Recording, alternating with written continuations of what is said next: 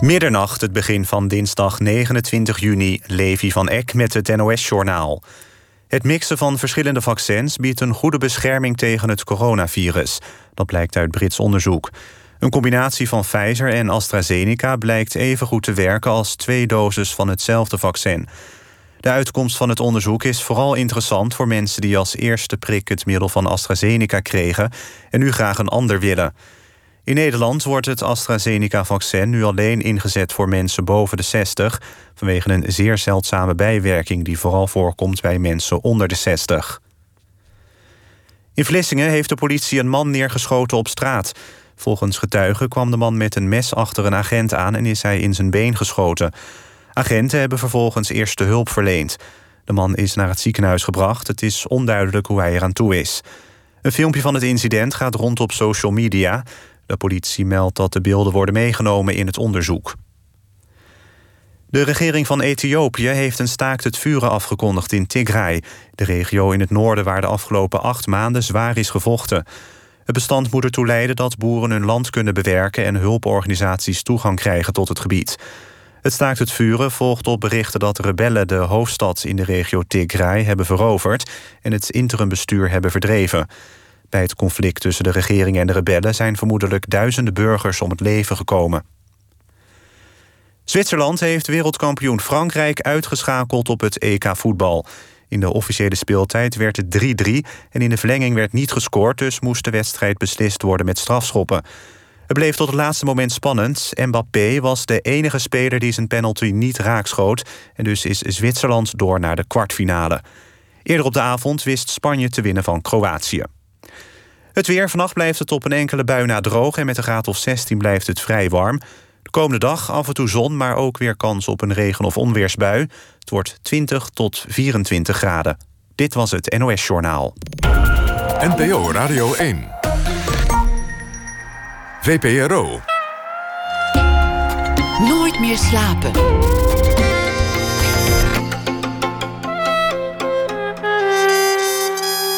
Met Pieter van der Wielen.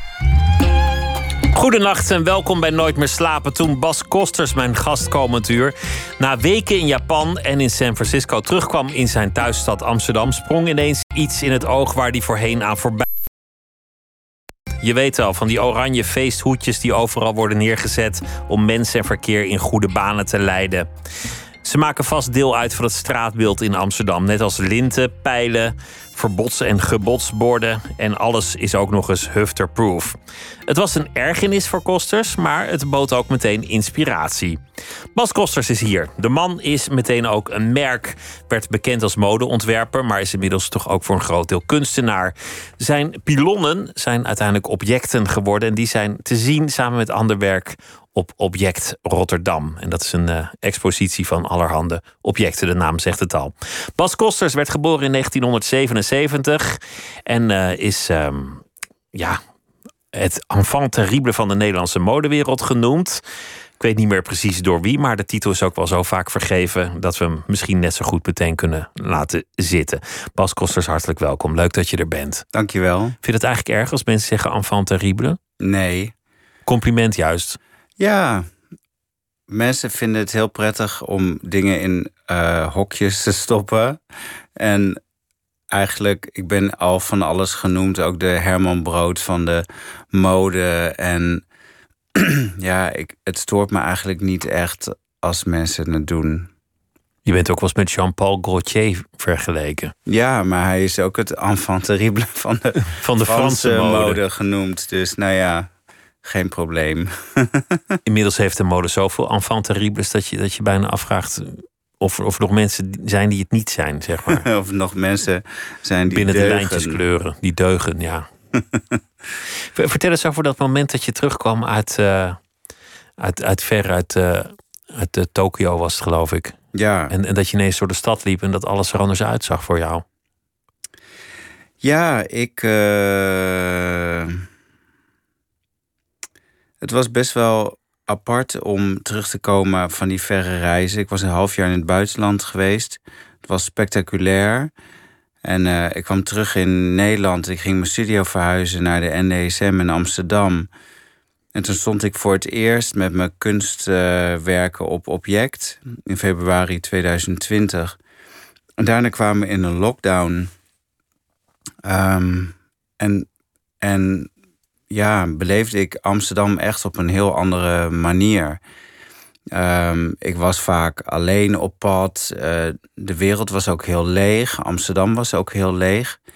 En ongeveer op hetzelfde moment uh, deed het Amsterdam Museum een open call voor kunstenaars om een plan in te dienen voor een expositie over um, nieuwe narratieven over hoe kunstenaars de stad Amsterdam beleven. Um, en wat ik, wat ik gemerkt heb toen ik in Tokio uh, was, daar was ik 2,5 maand voor een residentie die ik zelf had bedacht. uh, en ik ging daar een project doen over eenzaamheid. Dus ik was daar alleen. En ik was veel onderweg uh, in de stad. En ondanks het feit dat ik bedacht had dat ik een project over eenzaamheid wou gaan doen, was ik toch ook wel oprecht verbaasd over hoe eenzaam je je kan voelen als je ineens totaal aan de andere kant van de wereld bent in je eentje. In een cultuur die ook best gesloten is. En wat ik daar merkte is dat ik in kleine wijkjes in Tokio een heel huiselijk en beschermd gevoel kreeg, omdat er bijvoorbeeld mensen een soort uh, ja, voortuintje hadden gemaakt. En wat heel prettig is in um, Tokio uh, of in Japan, is dat je heel veilig bent. Dus er is weinig criminaliteit, mensen laten weinig je met rotzooi, rust. weinig ellende. Ja, dus dat vond ik echt fascinerend.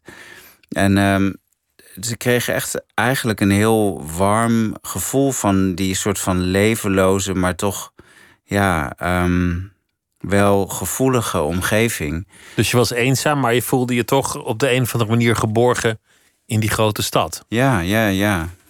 Kan je dat eigenlijk goed alleen zijn? Is, is dat uh, een van je krachtige kanten? Nou ja, ik ben weinig alleen. Maar ik heb wel gerealiseerd door die residentie dat ik een ergens ook een hang heb naar eenzaamheid. Het is ook lekker.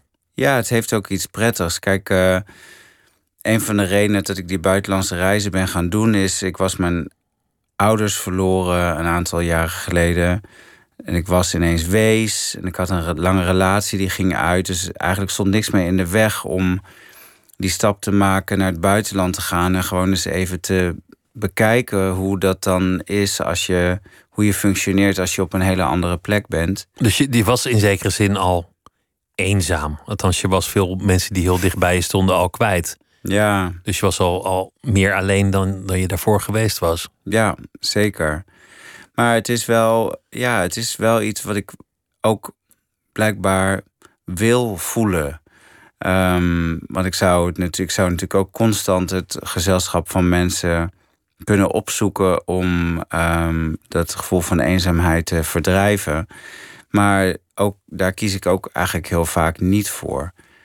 Dus je zou toch wel kunnen zeggen dat ik, dat ik het gevoel ook wel. dat ik het ook wel waardeer als een onderdeel van mijn zijn. Ja. In groepsverband kan je ook heel eenzaam zijn. Ja, ja. Ook, Juist ja, omringd door mensen kan, kan het echt binnenkomen hoe alleen je bent. Mhm.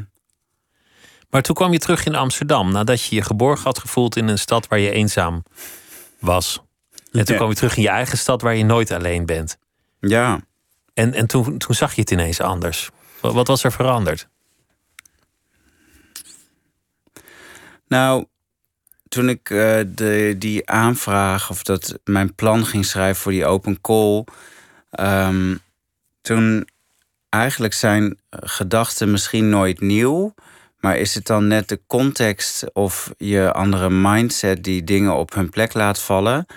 Want ik ben altijd gefascineerd geweest door eh, verkeerspilonnen, bijvoorbeeld. Dus dat is eigenlijk niks nieuws. En ik ben ook altijd gefascineerd geweest door ehm, levenloze spullen in de openbare ruimte. Dus ik, vroeger werkte ik best wel vaak laat op de studio en fiets ik naar huis. En dan moet ik toch bij iedere bult troep kijken wat het is. En soms beelde ik me ook een dialoog in over de gevoelens van die spullen aan de straat. Dus voor mij. voor jou leven alle dingen. Alle dingen hebben gevoelens en emoties. En ja, zo zou je het wel kunnen praten zeggen. met je. Dus eh, ja, ik, ergens bemerkte ik dat ehm, toen ik ging nadenken over, over wie ben ik dan hier in Amsterdam nu, nu ik hier weer terug ben. Ja, uh, voelde ik in, in de aanwezigheid van die pilonnen een soort kameraadschap. Uh, alsof dat je, mijn... had er, je had er een fijne associatie bij. Ja, ja, ja. Ter, ja het, zijn, het... het... zijn toch eigenlijk... Sorry, sorry dat ik meteen je nieuwe liefde voor de pilon wil ondermijnen met mijn zure opinie. Maar het zijn toch eigenlijk gewoon nare rotdingen. Want het duidt altijd of op rommeligheid, werkzaamheden, omleidingen. Plekken waar je niet mag komen, plekken waar je van alles moet. Ja. Waar iemand je een bepaalde richting uit wil duwen. Het, het is vaak ook een vertegenwoordiging van het afwezige gezag dat zich toch wil laten gelden. En qua vorm vind ik het nou ook niet echt dat ik zeg, nou wat een schoonheid, zo'n oranje hoedje. Nou ja, ik vind het dus echt een fascinerend, iconisch object. En um... waarom? Wat, wat is er zo mooi aan? Nou ja, ik hou toch wel van en dat doe ik niet bewust, maar uh, ik heb een aantrekkingskracht of ik heb een visie over schoonheid die misschien afwijkt. Dus ik kijk liever naar een wegafzetting als naar een monumentaal pand aan de grachten. Dus ik heb gewoon een heel andere visie op esthetiek. Ik hou van uh, schreeuwerige esthetiek. Ik hou van supermarktesthetiek. Um, en mijn voorliefde voor kleur en voor grafische uitingen. Ja, dat, dat, dat heeft een enorme aantrekkingskracht. Je houdt van fluoriserende kleuren, van, van schreeuwerige objecten. Het, het mag eruit springen. Ja, en ik, ik zie misschien ook wel de potentie of uh, de meerwaarde van zo'n object als alleen maar dat het een vervelend waarschuwingsobject is. Maar je vond, je vond het in Tokio warm, die tuintjes. Dat gaf een soort huiselijkheid, waardoor jij je geborgen voelde, ook al was je eenzaam. Mm -hmm. als, je, als je helemaal alleen zou zijn in Amsterdam en je eenzaam zou voelen. Tussen al die linten, pilonnen, borden, hekken. Nou, prikkeldraad geloof ik nog niet, maar dat is een kwestie van tijd. Hoe zou je dan voelen? Wat, wat geeft het eigenlijk voor gevoel? Nou, waar ik wel over na heb zitten denken toen ik met dit project bezig ging, is dat ik het eigenlijk. um, dat ik het stadse leven eigenlijk heel vreemd vind. Omdat je bent als. Althans, zo beleef ik het. Als bewoner van Amsterdam eigenlijk helemaal niet zo gewenst. Dus er zijn heel veel plekken waar helemaal geen bankjes zijn. Omdat ze niet willen dat mensen daar gaan zitten. Omdat je dan in de weg uh, staat. Neem tegenwoordig bijvoorbeeld het station. Er is bijna geen plek meer om te zitten. Dus uh, mensen willen je. Het soms voelt het ook een beetje alsof je ook zo weinig mag. En um, ja, dat vind ik eigenlijk een heel vreemd uh, gevoel. Je wordt de hele tijd opgejaagd.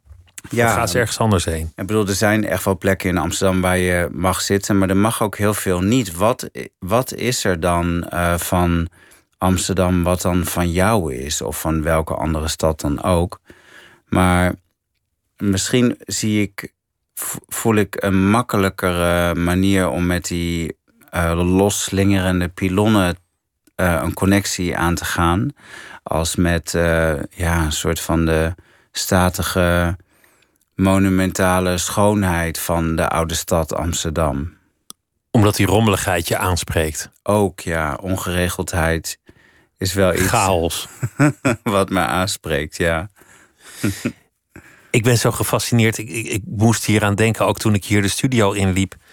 Door, door die honderden, honderden kilo's en rolletjes tape die mensen door het hele land hebben geplakt ten tijde van COVID in geen winkel kan je naar binnen zonder dat er pijlen zijn getrokken.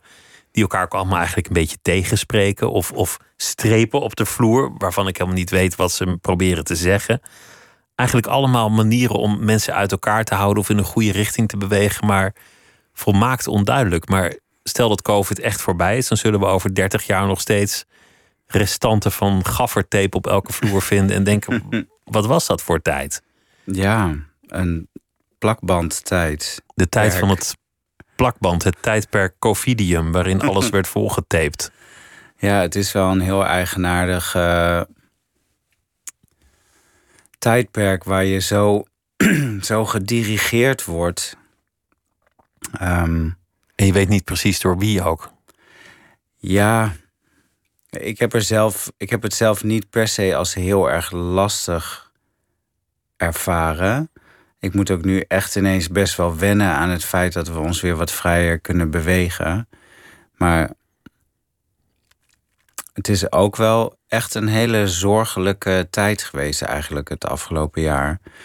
Waarin ehm, het feit dat er overal plakband op zit, dan misschien nog wel een humoristisch detail is. Een soort overblijfsel van, van die periode. Ja, het is geplakt met goede bedoelingen. Dat, dat is misschien het, het aardigste wat je erover kan zeggen. Terwijl het verder best een angstaanjagende tijd was voor velen natuurlijk. Ja, zeker. Wat, wat zegt het over onze samenleving dat er zoveel gebod is? Dat je, dat je eigenlijk nergens je echt op je plek voelt in zo'n stad. Dat je altijd het idee hebt dat je in de weg loopt. Ja, ik kan natuurlijk niet zeggen dat het daadwerkelijk zo is, maar vooral dat ik het zo ehm, beleef. Maar ik denk wel dat Nederland bij uitstek wel een plek is waar alles geregeld wordt. Eh, en ja, mensen hebben daar heel veel goede bedoelingen bij. Maar soms is het ook best wel vervelend. Alsof je zelf ook niks meer kan bedenken. En maar goed, het heeft ook een keerzijde. Er zijn ook vast allerlei situaties. Ja, waar dat dan, als je het maar aan mensen overlaat, misschien ook niet goed komt. Maar, Maar in Nederland gaan dingen meestal mis omdat er te veel geregeld is. niet, niet omdat er anarchie heerst, maar juist omdat er zoveel vergaderd is en zoveel reguleringen zijn dat het alsnog de soep inloopt. Daar, daar zou ik zo honderd voorbeelden van kunnen noemen, denk ik. Oh, noem maar eens één dan. Nou ja, zo- zo'n toeslagenaffaire, dat kwam toch wel Oh, omdat ja. er, dat er veel te veel geregeld, veel te veel vergaderd en veel te veel gecontroleerd werd. Het is best wel ingewikkeld om weer uit deze mindset te komen, denk ik. Uit die samenlevingsvorm. Ja. Ja, soms is het wel prettig om op een plek te zijn waar je wat vrijer kan bewegen. Maar ik ben ook wel bijvoorbeeld in India geweest en dan is het weer zo'n chaos. En daar is alles weer zo ehm, onverwachts, om het maar zo te zeggen, dat het dan eigenlijk ook wel weer echt schakelen is. Dat je daar weer moet, op moet aanpassen inmiddels. Ja. Is, is dat eigenlijk een van, een van de thema's in jouw werk en leven? Een soort anarchie? Buiten de orde staan? Hmm. Nou, ik, ik, ik voel mezelf niet per se iemand, ook al. Ja, ik ben natuurlijk een tijd lang de organisator geweest van Anti-Fashion Party. En, maar ik ben eigenlijk niet per se heel erg tegen dingen. Ik ben vooral voor dingen, heb ik het eh, vermoeden. Dus ehm, Terwijl anti-fashion klinkt wel toch alsof je tegen iets bent. ja, dat was natuurlijk ook een, een, iets om mensen een beetje te prikkelen, om een, om een eh, gesprek gaande te, eh, ja, op gang te brengen. Dus ik, bijvoorbeeld, ik ben eigenlijk niet tegen eh, de grijze muis, maar ik ben wel voor mensen die zich, die hun individuele vrijheid tonen. Ehm, ja, En dat is, dat is dan zeg maar de bonte specht. Ja. Of hoe je het ook noemt. De Of paradijsvogel. De paradijsvogel. ja. Dus ja, ik voel mezelf niet. Nee, ik bedoel, ja. Ik ben in ieder geval niet een anarchist alleen maar om. eh, Om tegen de orde te zijn of zoiets. nee, nee, ik bedoel, eh, ik betaal ook gewoon belasting en huur en dat soort dingen. Ik ben niet heel erg tegen het systeem. Ehm, ja. Voor de individuele vrijheid. Dat zijn uiteindelijk de meeste mensen natuurlijk wel. Maar wat voor kleren droegen je ouders eigenlijk? Mijn ouders, ja. Mijn moeder droeg. ehm, ehm, van die. ehm, ja, hoe zal ik dat nou noemen? dat was zo'n bepaald soort stijl. Eh, kleding, een beetje van die laagjes kleding in verschillende kleuren paars en rood en dan allemaal van die dingen gecombineerd. En ehm, ze hield niet echt van sieraden zoals ik. Ik ben nogal een exter. Maar ja, ze vond het dan wel leuk om op markten een soort gekke gefilte tassen te kopen en dat soort dingen. En mijn vader droeg stevast een spijkerbroek met een t-shirt van mij. Met een print van mijn hand en dan een overhemd en dan een, als hij ergens heen moest, een net jasje.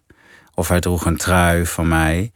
En, ehm, en die zag er eigenlijk altijd hetzelfde uit. Maar Ik dat heb- betekent dat hij wel heel trots op je was als hij altijd iets van jou droeg. Ja, totaal. Ja, dat vond hij helemaal leuk. En het gunde hem ook. eh, ik maak dan. Ik heb dan van die truien met van die protesterende mensen die zeggen: Weet ik veel. Eh, of ik, dan had ik een trui met neukende beesten erop. En hij vond het dan ook leuk eh, om dat te dragen naar openbare gelegenheden. En dan mensen ook een beetje te prikkelen. Ja, Want, want je, je bent opgegroeid in Zutphen, ja, mooie stad. En, en jouw vader was lokaal actief in, in, de, in de politiek mhm, voor de, voor de Socialistische Partij. ja. En dan kwam hij dus binnen op zo'n vergadering met een, met een t-shirt met piemels of met, met neukende mensen erop. Ja, heerlijk. Dat, dat is wel vaderliefde als hij dat doet. Dat is echt trots. Ja, het is wel, een, het is wel apart. Toen, ik dacht altijd dat ik heel erg een moederskindje was. Ehm, en toen mijn vader kwam te overlijden, toen ging ik een speech schrijven voor de uitvaart. En eigenlijk door dat moment realiseerde ik me dat ik eigenlijk veel meer op hem leek als ik had vermoed. En eh, dat was eigenlijk best wel heilzaam. En daarna heb ik ook van zijn hele garderobe een heel groot wandkleed gemaakt over dat moment van realisatie dat je eigenlijk alleen achterblijft en het vraagstuk over hoe, hoe tezamen je überhaupt ooit geweest bent, of je niet altijd al, of je niet überhaupt altijd alleen bent, weet je wel, dat soort. Ben je ooit samen geweest of was je al die tijd al alleen? Ja, Ook toen iedereen er nog was. ja. Dus eh, dat is wel een heel. Met de titel Love is All Alone, Together All Alone. Ehm, is dat wel een heel indrukwekkend werk van al die kleren van hem. De kleren van je vader heb je eigenlijk als een soort rouwverwerking misschien ook wel tot een wandkleed gemaakt. Ja, Wie ging er het eerste dood van je ouders? mijn vader. En toen, en toen je moeder niet heel veel later. Ja. Het is wel een hele verdrietige vraag. Ben je eigenlijk niet altijd alleen geweest? Ehm, ja, is het verdrietig of is het. ehm, of, of plaatsen dingen in perspectief? Het kan ook. ehm,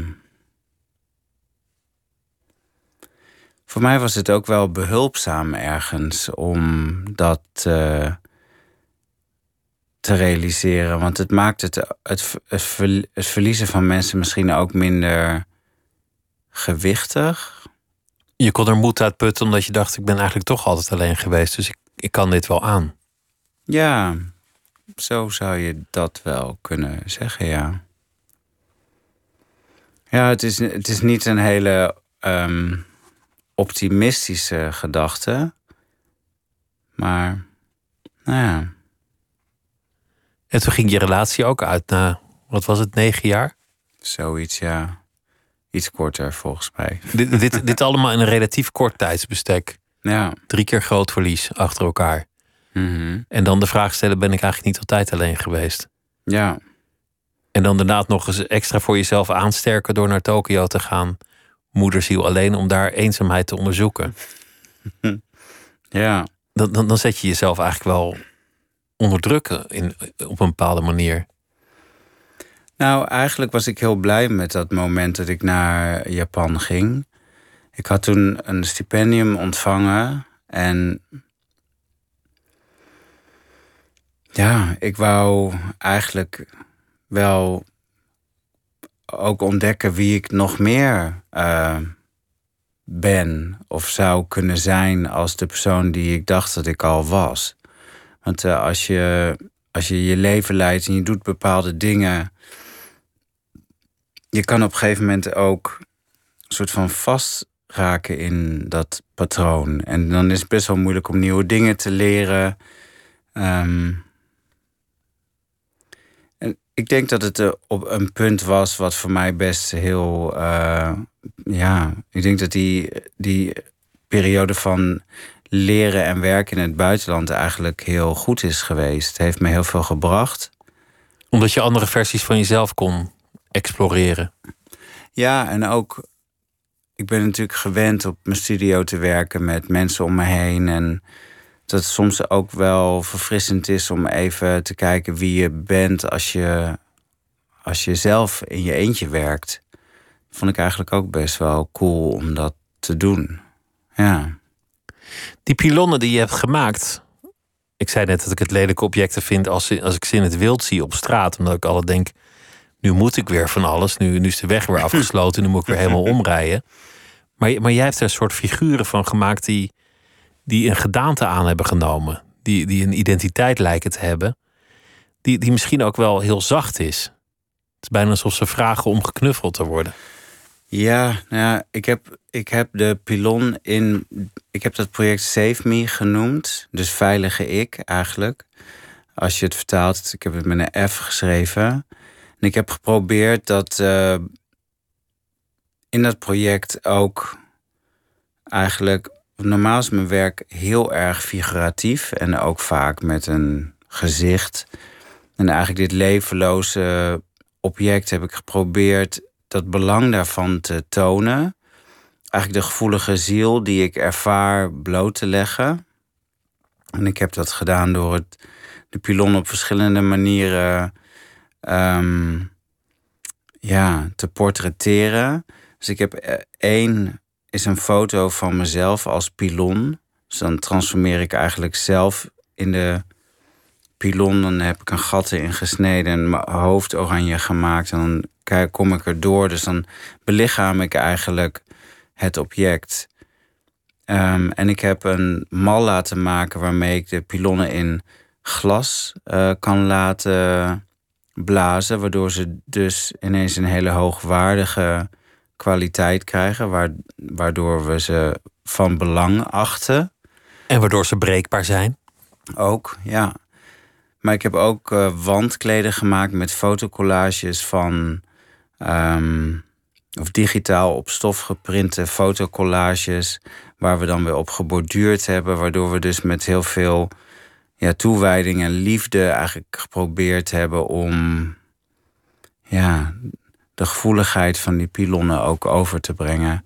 Dus het is wel een, um, het is een leuk, leuk project waar ik ook nog steeds wel mee bezig ben. Nieuwe dingen aan toe wil voegen. Wat je noemt de gevoelige ziel. ja. Die, die speelt in veel van je werk een rol. De gevoelige ziel. Het, het, het object, of eigenlijk als het ware de baby die zegt: Blijf bij me, hou me tegen je aan. Ik red het niet zonder jou. Heb mij lief. Hmm. Dat is eigenlijk het figuurtje dat in al dat werk, want je, je noemde het zelf schreeuwerig en, en schoppend en fluoriserend en dat soort dingen. Maar dat zit er wel eigenlijk altijd onder. Ja. ja. Bijna smekend, heb mij lief. Vroeger dan dacht ik al, had ik, was ik zelf ook wel een beetje overtuigd van die rebelse kant. um, of het feit dat ik, dat ik het ook prettig vind soms om ja, een soort van wrijving te veroorzaken. Maar ik heb op een gegeven moment ook wel gerealiseerd dat het eigenlijk altijd komt uit um, een plek van liefde. Uh, weet je, uit bevlogenheid, uit uh, um, ergens sterke gevoelens over hebben. Dus het is nooit maar alleen maar om herrie te schoppen. Daarom zei je, ik ben niet zozeer tegen dingen, maar meer voor dingen. Ja. En uh, En wat mij dus heel leuk lijkt ook, we zijn nog bezig met een soort. ehm, ook nog een soort stoffenversie van die eh pilonnen. Dus we hebben eh, oude werkkleding gekregen van de eh, straatwerkers in Amsterdam. Daar zijn we dus ook stoffen pilonnen van aan het maken, maar ook een kostuum waarbij iemand ook helemaal die pilon kan worden. En die wil ik dan ook nog weer terugplaatsen in het straatbeeld. Een levende pilon dan. Ja, of, eh, of in ieder geval iets over ehm, aanwezigheid. De aanwezigheid van die ballon in het straatbeeld. Ja. voor, wie, voor wie net eh, de radio heeft eh, teruggevonden onder een hoop was of waar dan ook. eh, Bas Kosters die zit hier tegenover mij. Hij is eh, bekend geworden als modeontwerper, maar inmiddels ook voor een groot deel kunstenaar. En hij heeft een eh, expositie onder meer op Object Rotterdam. En we hadden het over pilonnen in het straatbeeld. We hadden het ook over je ouders. We- Weet je wat ik me ook afvroeg? Dat, dat als je zo van, van objecten houdt, hè, van, van dingen die je aantreft en daar een soort gevoeligheid aan toekent, dan zou het toch ook wel de neiging zijn om ze allemaal als een soort wezen mee naar huis te nemen. en ze allemaal in huis te nemen. ja. En daar je waarschijnlijk niet groot woont, dat weet ik niet of je groot woont of niet. Nee. Maar ben je een hoorder, zoals dat in het Engels heet? Nee. Nee, ik ben geen hoorder, maar ik hou wel echt van spullen. En ik, ik hou, ik zie, ik zie ook wel echt de waarde ervan in. Ik was net nog even een rondje fietsen en toen vond ik in een gratis boekenkast een prachtig eh, eerste druk van een boek van Gerard van het Reven, waarbij hij vrij verloren in een kamer vol met troep zit, waaronder allemaal teddyberen. En, eh, Vond jij hele- in een gratis boekenkast, zo- zo'n kastje op straat, een eerste druk ja. van Reven? Ja. Die voor mij bestemd was, vermoed ik. Nou, mensen weten ook niet meer wat ze weggooien. Ja, maar ja, ja de, sommige mensen, mensen hebben heel verschillende ideeën over waarde. Dat is misschien ook prima. Maar ik ben wel blij met dat boek. Want eh, maar ik had hem eigenlijk had ik niet door dat het een eerste druk was. Maar ik stond nog weer bij een andere gratis boekenkast. te kletsen met een mevrouw die daar ook een boek aan het uitzoeken was. En toen, toen liet ik mijn aanwinst zien. En eh, zij concludeerde wat het dan was. Maar eh, ja, kijk, ik neem niet ongelimiteerd spullen mee naar huis. Maar Een eerste druk laat je niet liggen, dat snap ik ook. nee, en er staan ook wel een paar verdwaalde, eh, originele verkeerspilonnen voor de ingang van mijn studio. En ik mag nog wel eens een stoel van straat rapen. Dus ja, ehm, ik hou wel oprecht heel veel van spullen. En ook van spullen die anderen als troep zouden kunnen beschouwen. Ja, maar ja, het is niet dat ik alles. ehm, ja, het is wel. Ik zag vanmiddag een stukje op televisie een programma over plastic. En er was een strandjuttersmuseum in Amerika. En dat was letterlijk allemaal aangespoelde plastic dingen, eh, boeien, flessen. En daar kreeg ik toch ook wel een bepaald soort van warm gevoel van die enorme hoeveelheid spullen. Dus ik zou. Ik vind mezelf niet een hoorder, maar ik ben misschien wel een soort jutter of zo. Ja. Je zou wel een strandjutter kunnen zijn die, die Ja. wel blij is met een olievat dat, dat komt aanspoelen.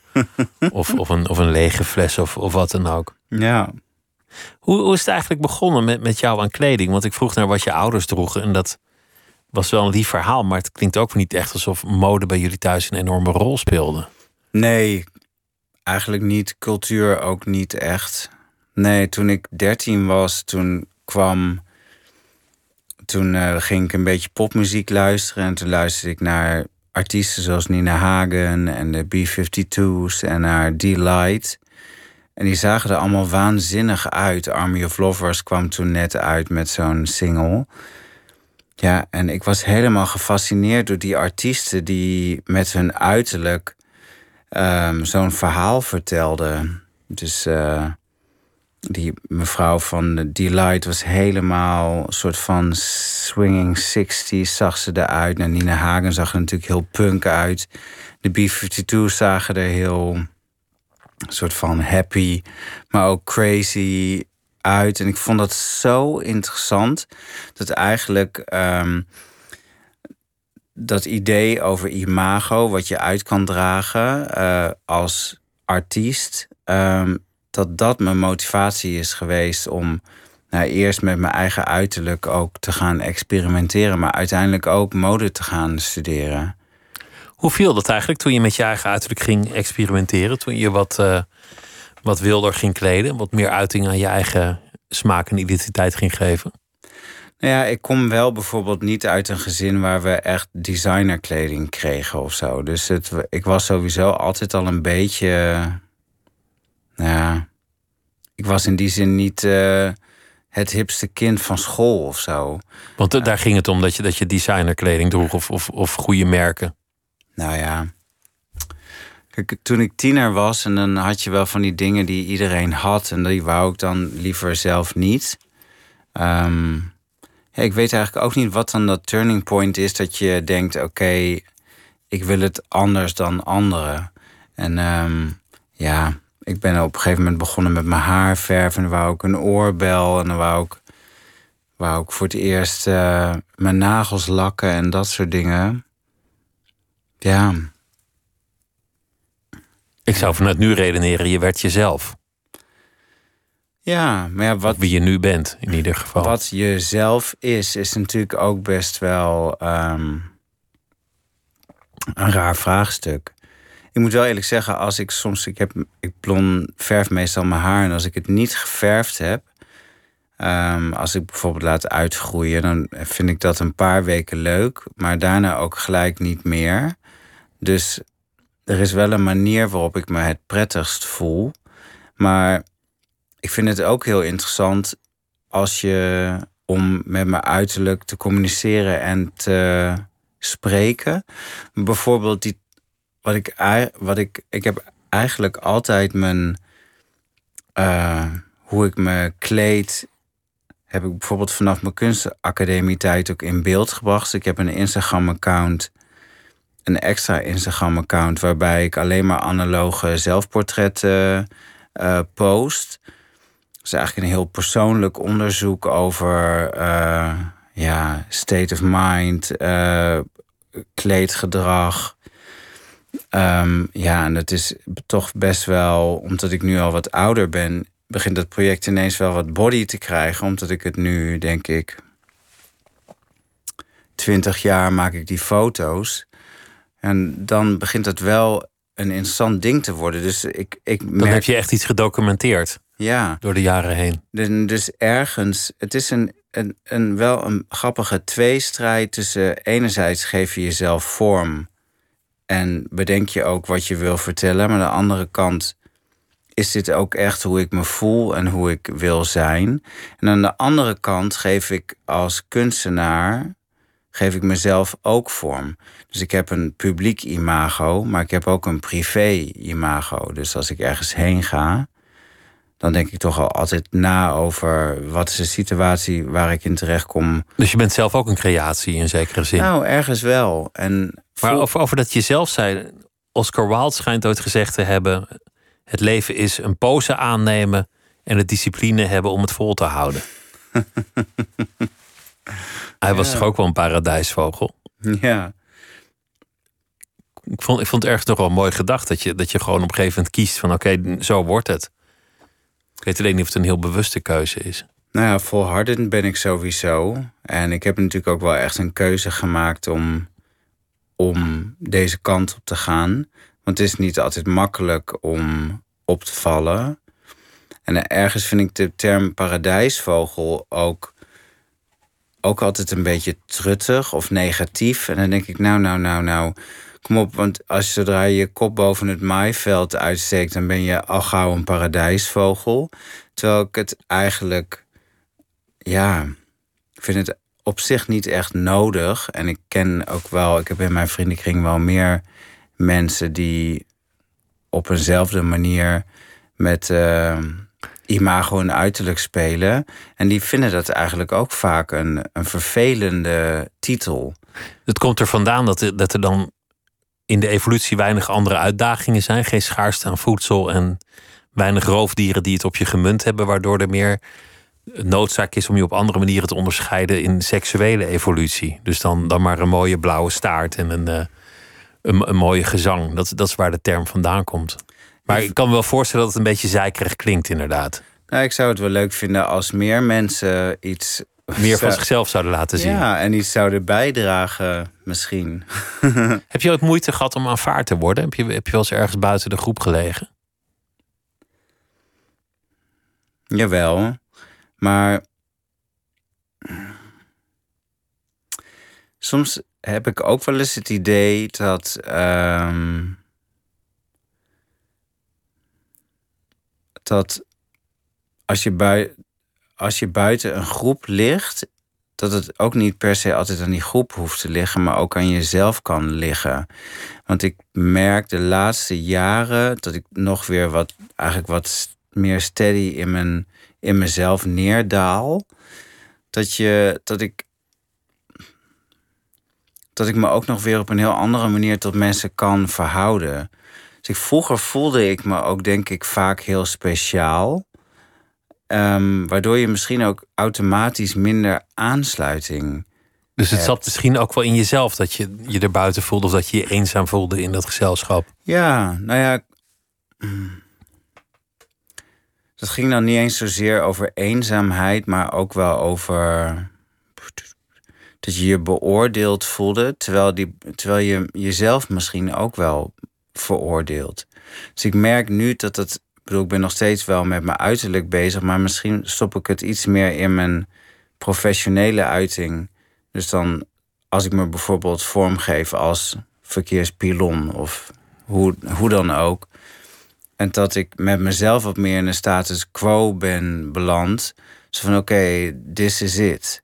En eh, dan heb ik nog steeds het plezier en het genot van mezelf tooien, om het maar zo te zeggen. Want het is zo gewoon ook een soort spel. En ik vind het ook leuk. Vind ik een mooi doen. woord, tooien. Ja, ik ook. Ja, want ik bedoel, ik verrijk mezelf letterlijk. Hè. Zo voelt het ook. Het voelt als een, als een soort spel, als een soort. eh, het geeft me ook heel veel vreugde. Maar ik merk wel de laatste jaren, het lijkt wel of ik zelf ook relaxter met mezelf ben geworden. En dat het daardoor ook makkelijker is om me tot anderen te verhouden. Maar dat is je misschien niet altijd gegeven als je jong bent en ik weet niet of dat aan de hand was, ook worstelt met je geaardheid of dat soort dingen.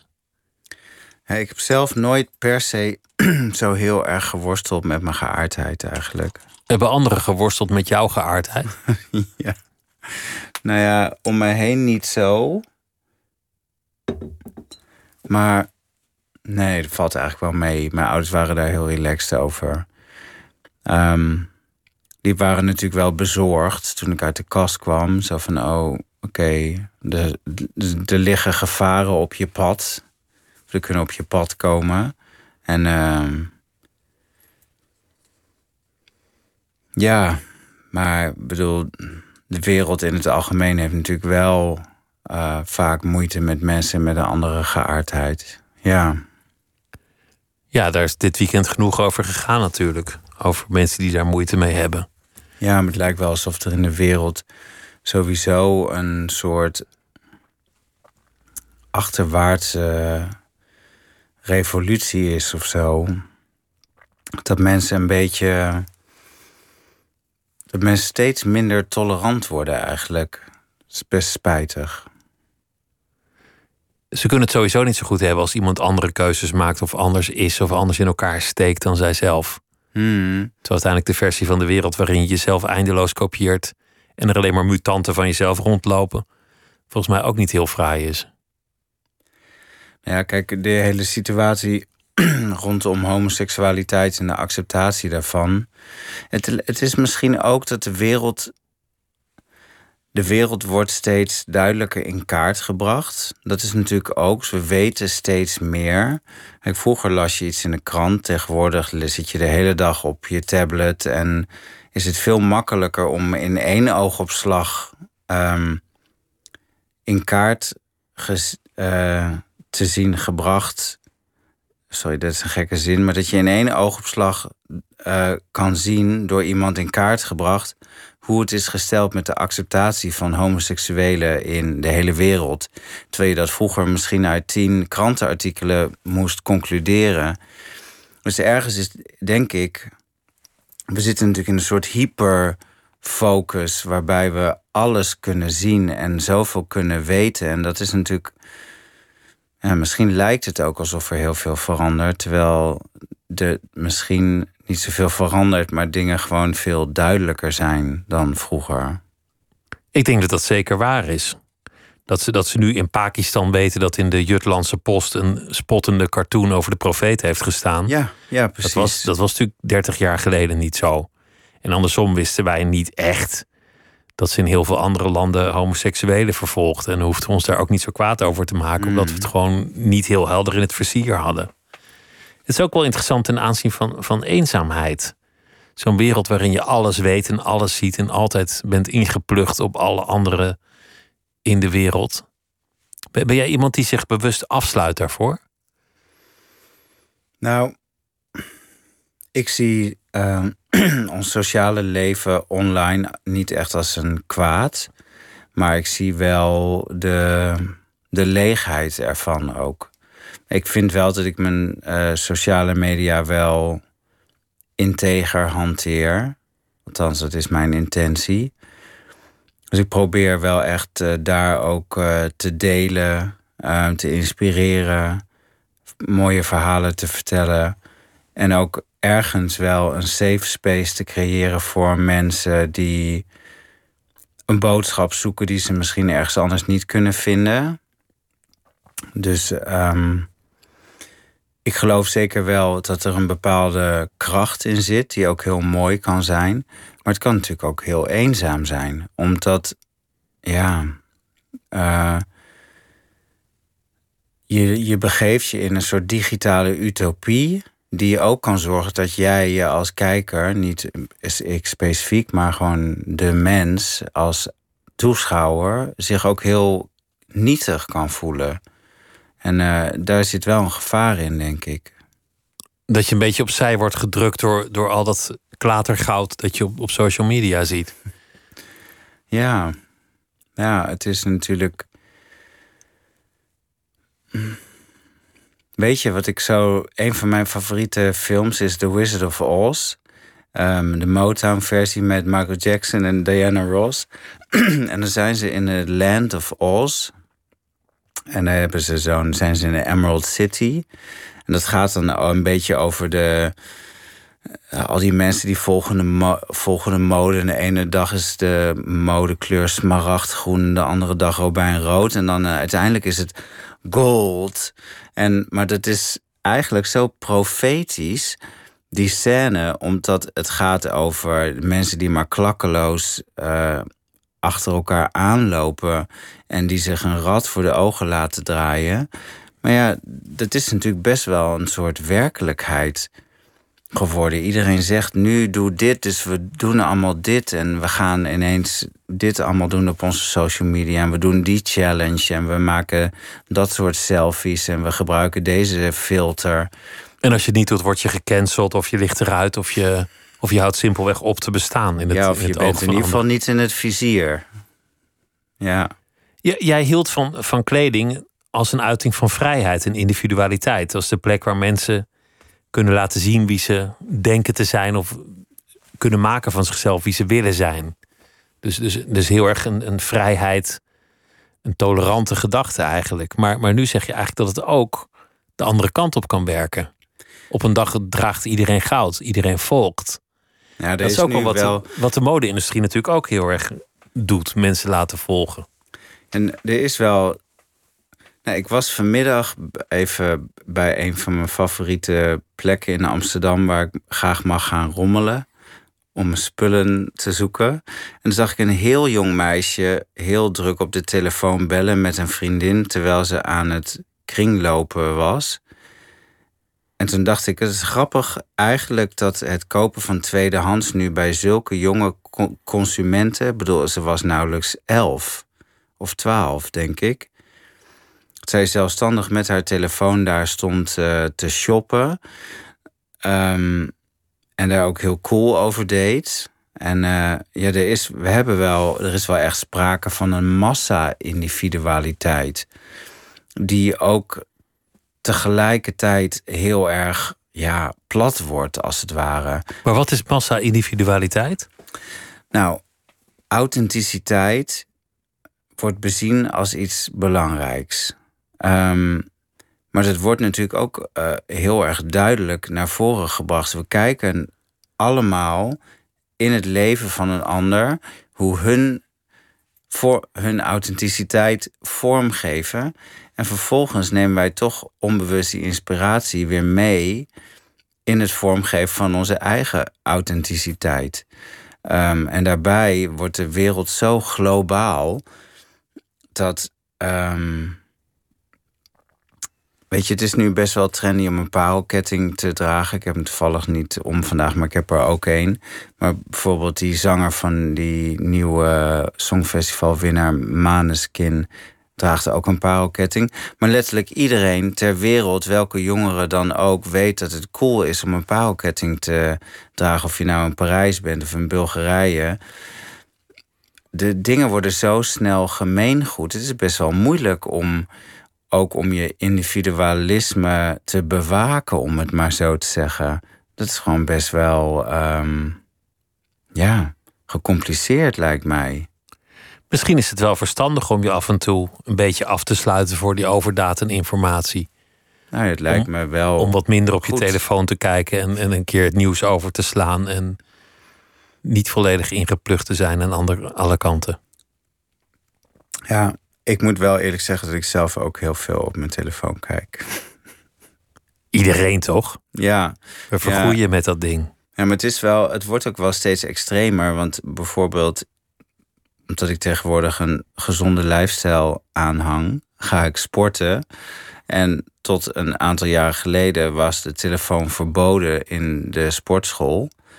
Maar tegenwoordig zitten dan allerlei mensen op apparaten met hun telefoon te ontspannen tussen de oefeningen door. Dus het is eigenlijk. En dat zelfs ook de trainers ook de hele tijd op hun telefoon zitten. Het is gewoon echt een bizarre soort global verslaving. Het is echt extreem. Ik ben wel, soms denk ik wel eens van jeetje, waar moet dat toch heen? Met, met ons de mensheid en onze digitale verslaving. Ja ja, een gewoonte kan vrij snel omslaan inderdaad in compulsief gedrag. Ja, maar het is ook zo. Dat is ook wel.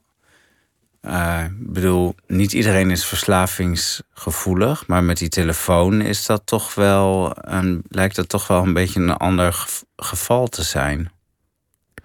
Je, je noemt verslavingsgevoelig. Jij bent natuurlijk op een gegeven moment, dat heb je op social media geuit.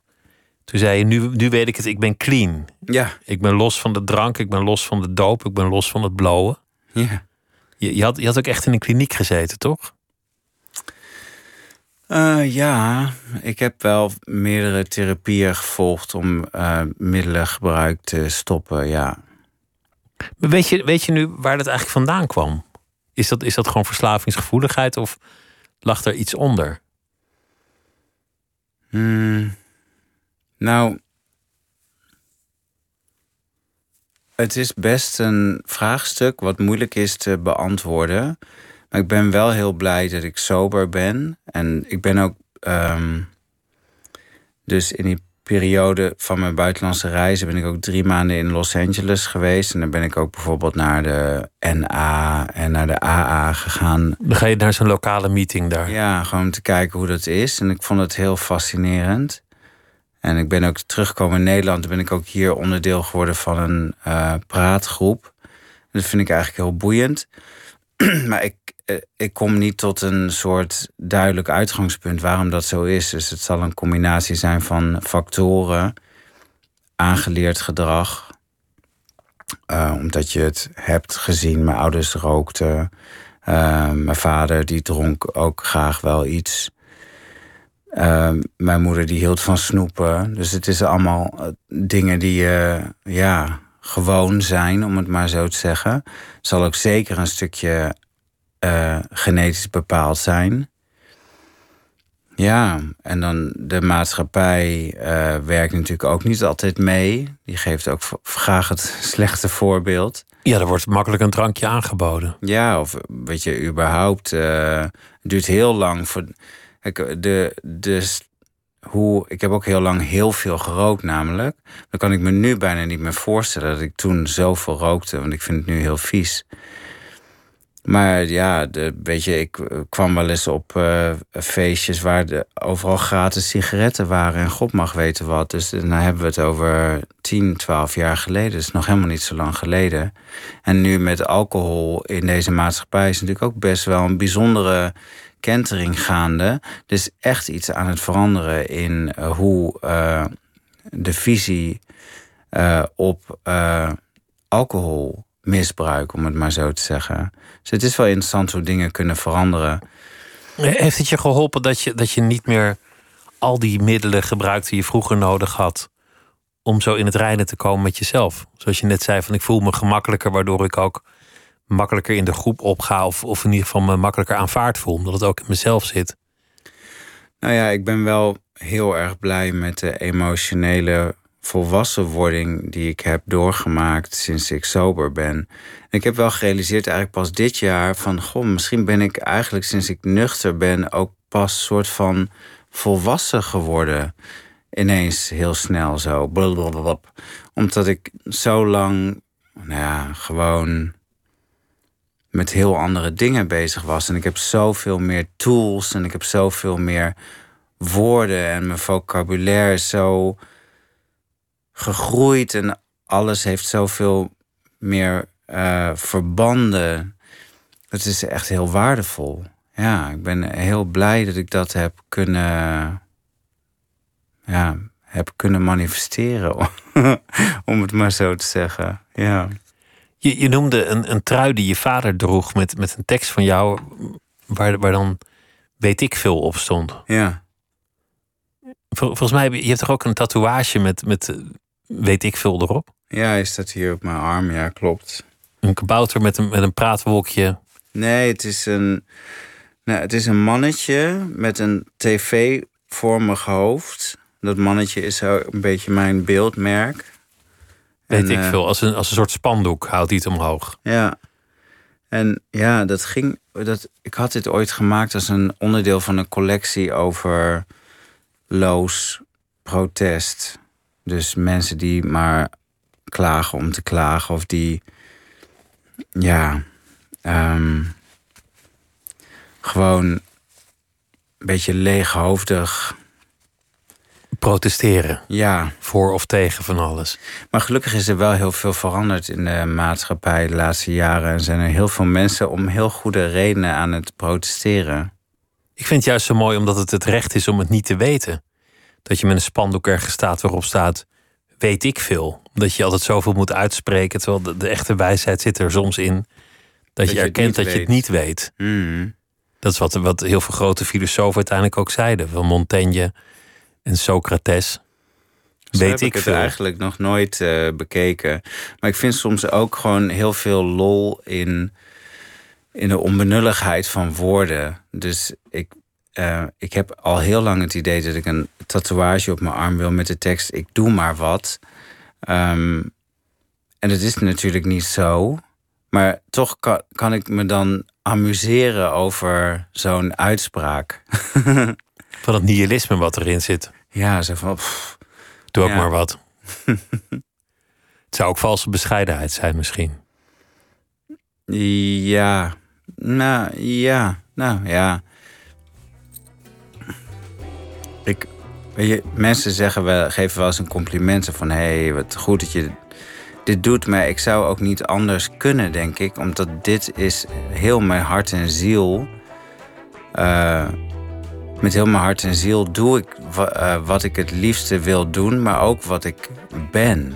Denk dus ik zou me ook niet voor kunnen stellen wat ik dan anders zou doen. Dus het voelt ook niet als een verdienste, maar meer als een. Ja, noodzaak, om het maar zo te zeggen. Dus dan is het soms een beetje ingewikkeld om daar uh, een compliment over te ontvangen. Want dit is wie je bent. Het was leuk dat je er was, dankjewel. Bas Kosters, dank je. En dit was Nooit meer slapen. Tot morgen, goeienacht.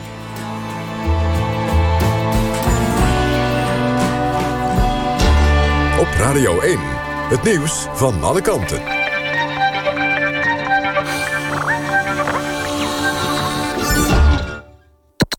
NPO Radio 1.